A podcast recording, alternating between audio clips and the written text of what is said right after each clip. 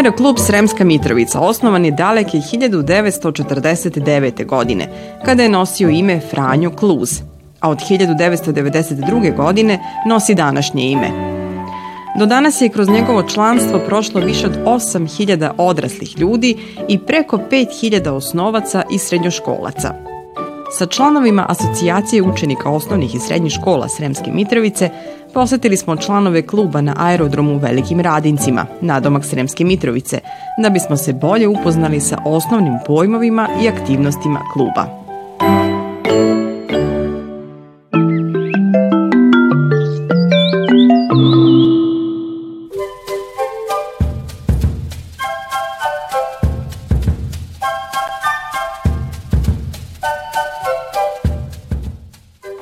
Šta je motorno letenje, letenje avionom?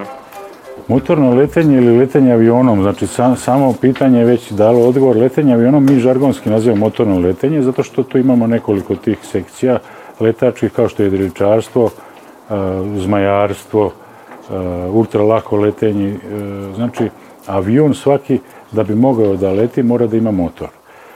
Svi koji se obučavaju, znači da budu budući piloti, E, prvo imaju, savladavaju teorijsku obuku, uče nekih devet predmeta, to se polaže, zatim ovaj, kreću sa instruktorom u praktičnu obuku motornim letenjem. Znači, svi polaze sa jednom motornim avionima, e, gde uče osnovne neke stvari, kao što je školski krug.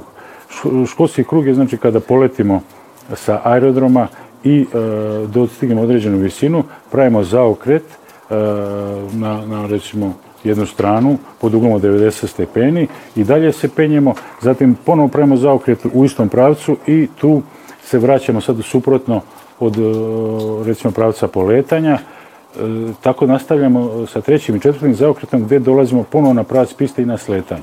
To se zove školski krug i tu se uče osnovna naša ta pravila poletanje, e, formiranje tom školskom krugu i sletanje. I to je osnovno u stvari u suštini za sve buduće pilote bez obzira na kom vazduhoplovu lete i veliki putnički avioni imaju te procedure kada prilaze nekim aerodromima, moraju prvo da uđu u taj školski krug da bi došli u proceduru i pravac slet, bezbednog sletanja. Šta je padobranstvo?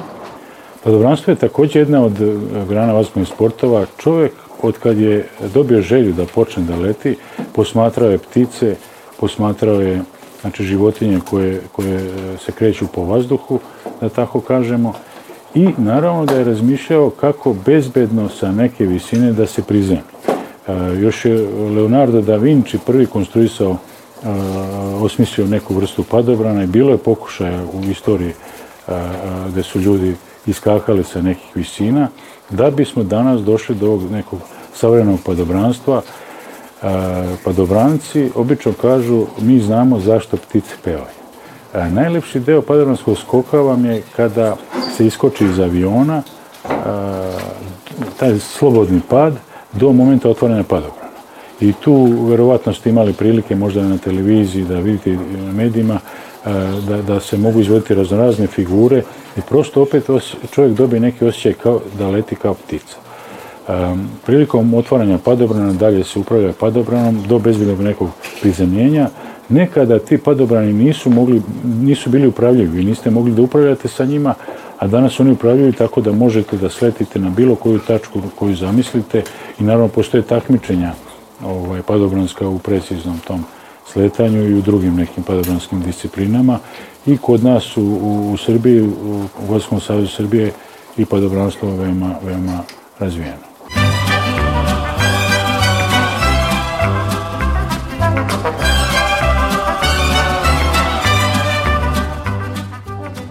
Šta uče budući piloti? Budući piloti, e, kao što sam rekao, znači imaju prvo teorijsku obuku gde se sluša devet predmeta. Ja ću nabrojati neke od tih predmeta kao što su meteorologija, znači moramo da znamo vremenske uslove, kakvi su u toku leta i zato nam je to jedna od veoma bitnih stavki za bezbednost letenja. Zatim uče konstrukciju vazduhoplova, bez obzira na kom tipu vazduhoplova lete, oni moraju da znaju o njemu sve, moraju da se razumiju mehaniku, elektroniku i ostale stvari. Zatim uče, uče ljudske mogućnosti, to je jedan deo medicinskih, ovaj, da kažemo, nauka, gde ljudski organizam je na određenim visinama izložen malo ekstremnijim uslovima nego na zemlji. Znači, i budući pilot mora da zna šta se dešava na određenoj visini gdje je ređi vazduh, svakako je hladnije, vi na svakih 1000 metara temperatura je oko 6,5 stepeni niža. E, I svaki pilot kada se nađe u tako nekim uslovima mora da zna kako može da reaguje da bi letenje bilo bezbedno. Dalje, dalje, znači, od tih predmeta uči se komunikacija, veoma bitna stvar. Mora da se poznaje, budući pilot mora da znaju engleski jezik. komunikacije. u vazduhu, znači, imamo hiljade hiljade vazduhoplova, aviona raznih i vojnih i civilnih. Vi morate da imate komunikaciju sa kontrolama letenja u raznim zonama ili državama ako idete neke dalje prelete sa avionima, sa drugim vazduhoplovima da budete u kontaktu baš zbog e, te bezbednosti, jer u vazduhoplovstvu bezbednosti je na prvom mjestu. Da ne bi slučajno došlo do nekog e, sudara ili nečega, što je mala verotnoća u vazduhu.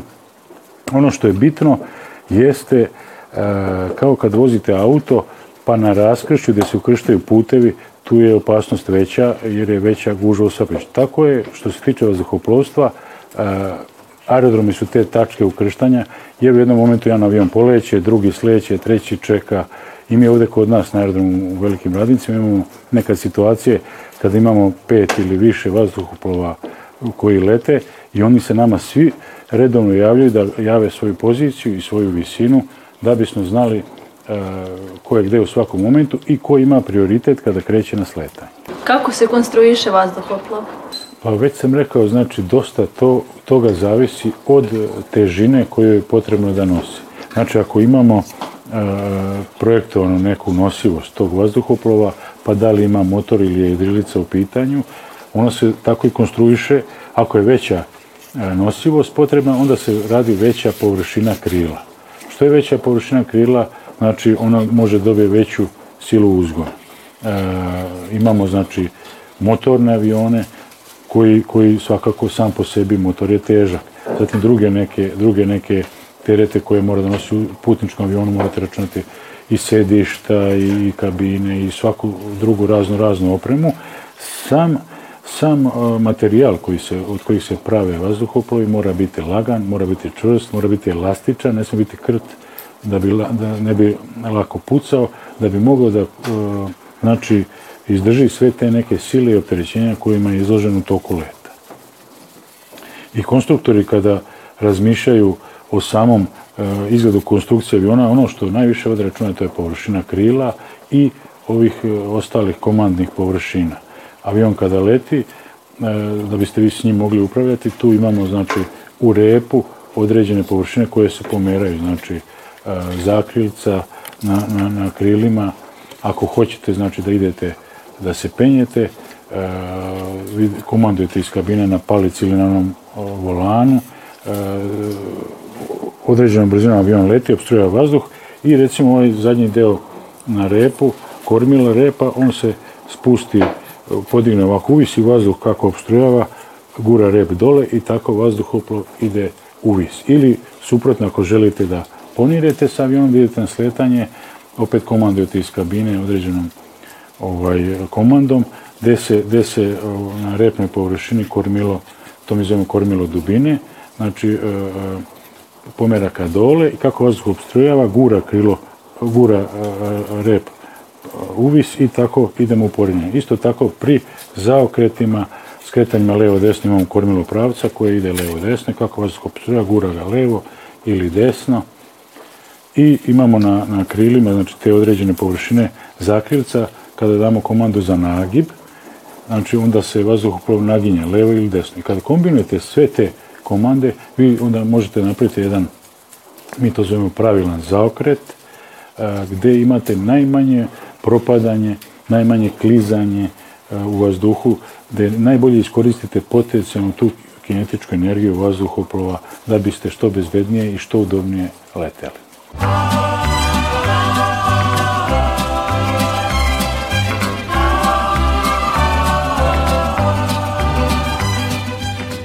Šta je meteorologija i kako ona pomaže pilotima?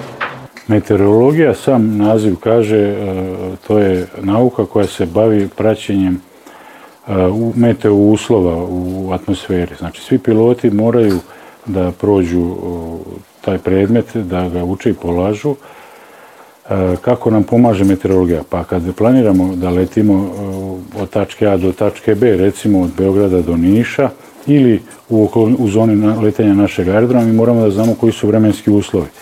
Tu opet zavisi sa čim letimo. Ako letimo sa jedrilicama, nama odgovaraju turbulentni uslovi u atmosferi, kada imamo dosta onih belih oblaka koji se zovu kumulusi, koji su onako načičkani na nebu kao, kao uštipci, recimo.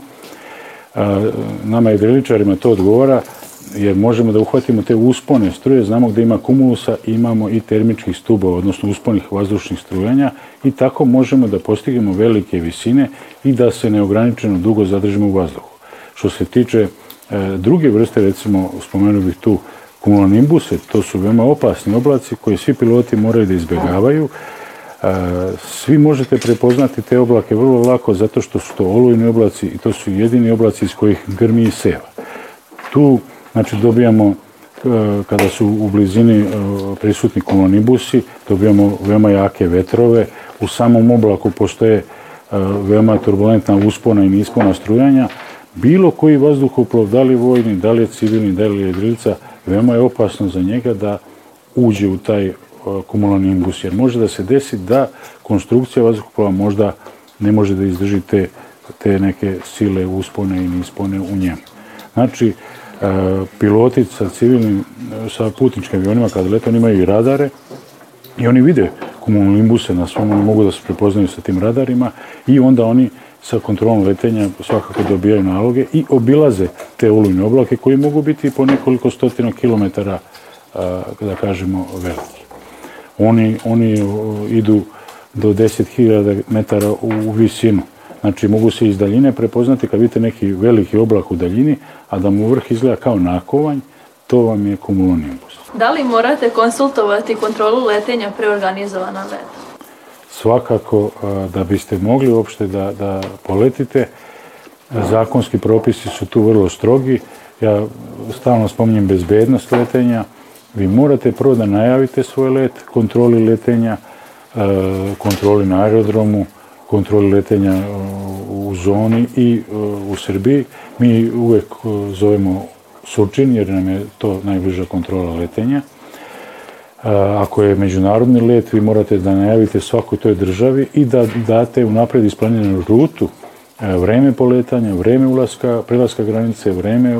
Znači, u svakom minutu vi ste već napravili plan letenja i zna se gde će se vazduhoplov nalaziti u svakom minutu tokom leta. Tako da bi se izbjeglo a, a, znači da bi što bezbednije bilo letenje, da bi se znalo da ne bi neko zalutao. Vas kontrola letenja na radarima i vidi. I kad oni vide da ste vi odlutali od kursa, oni vas zove i kažu prijatelju, malo si se udaljio od kursa, vrati se nazad da se ne izgubiš. Na primjer, ako se to nekom desi, ako ga vetar možda malo nosi. Znači, vi morate prilikom planiranja leta da računate i vremenske uslove, ako imate jake vetrove, jer vetar može da vas u vazduhu zanosi i da vi ni ne primetite da ste malo odlutali od kursa iz tog nekog razloga. U svakom momentu kontrola letenja mora da zna gde ste.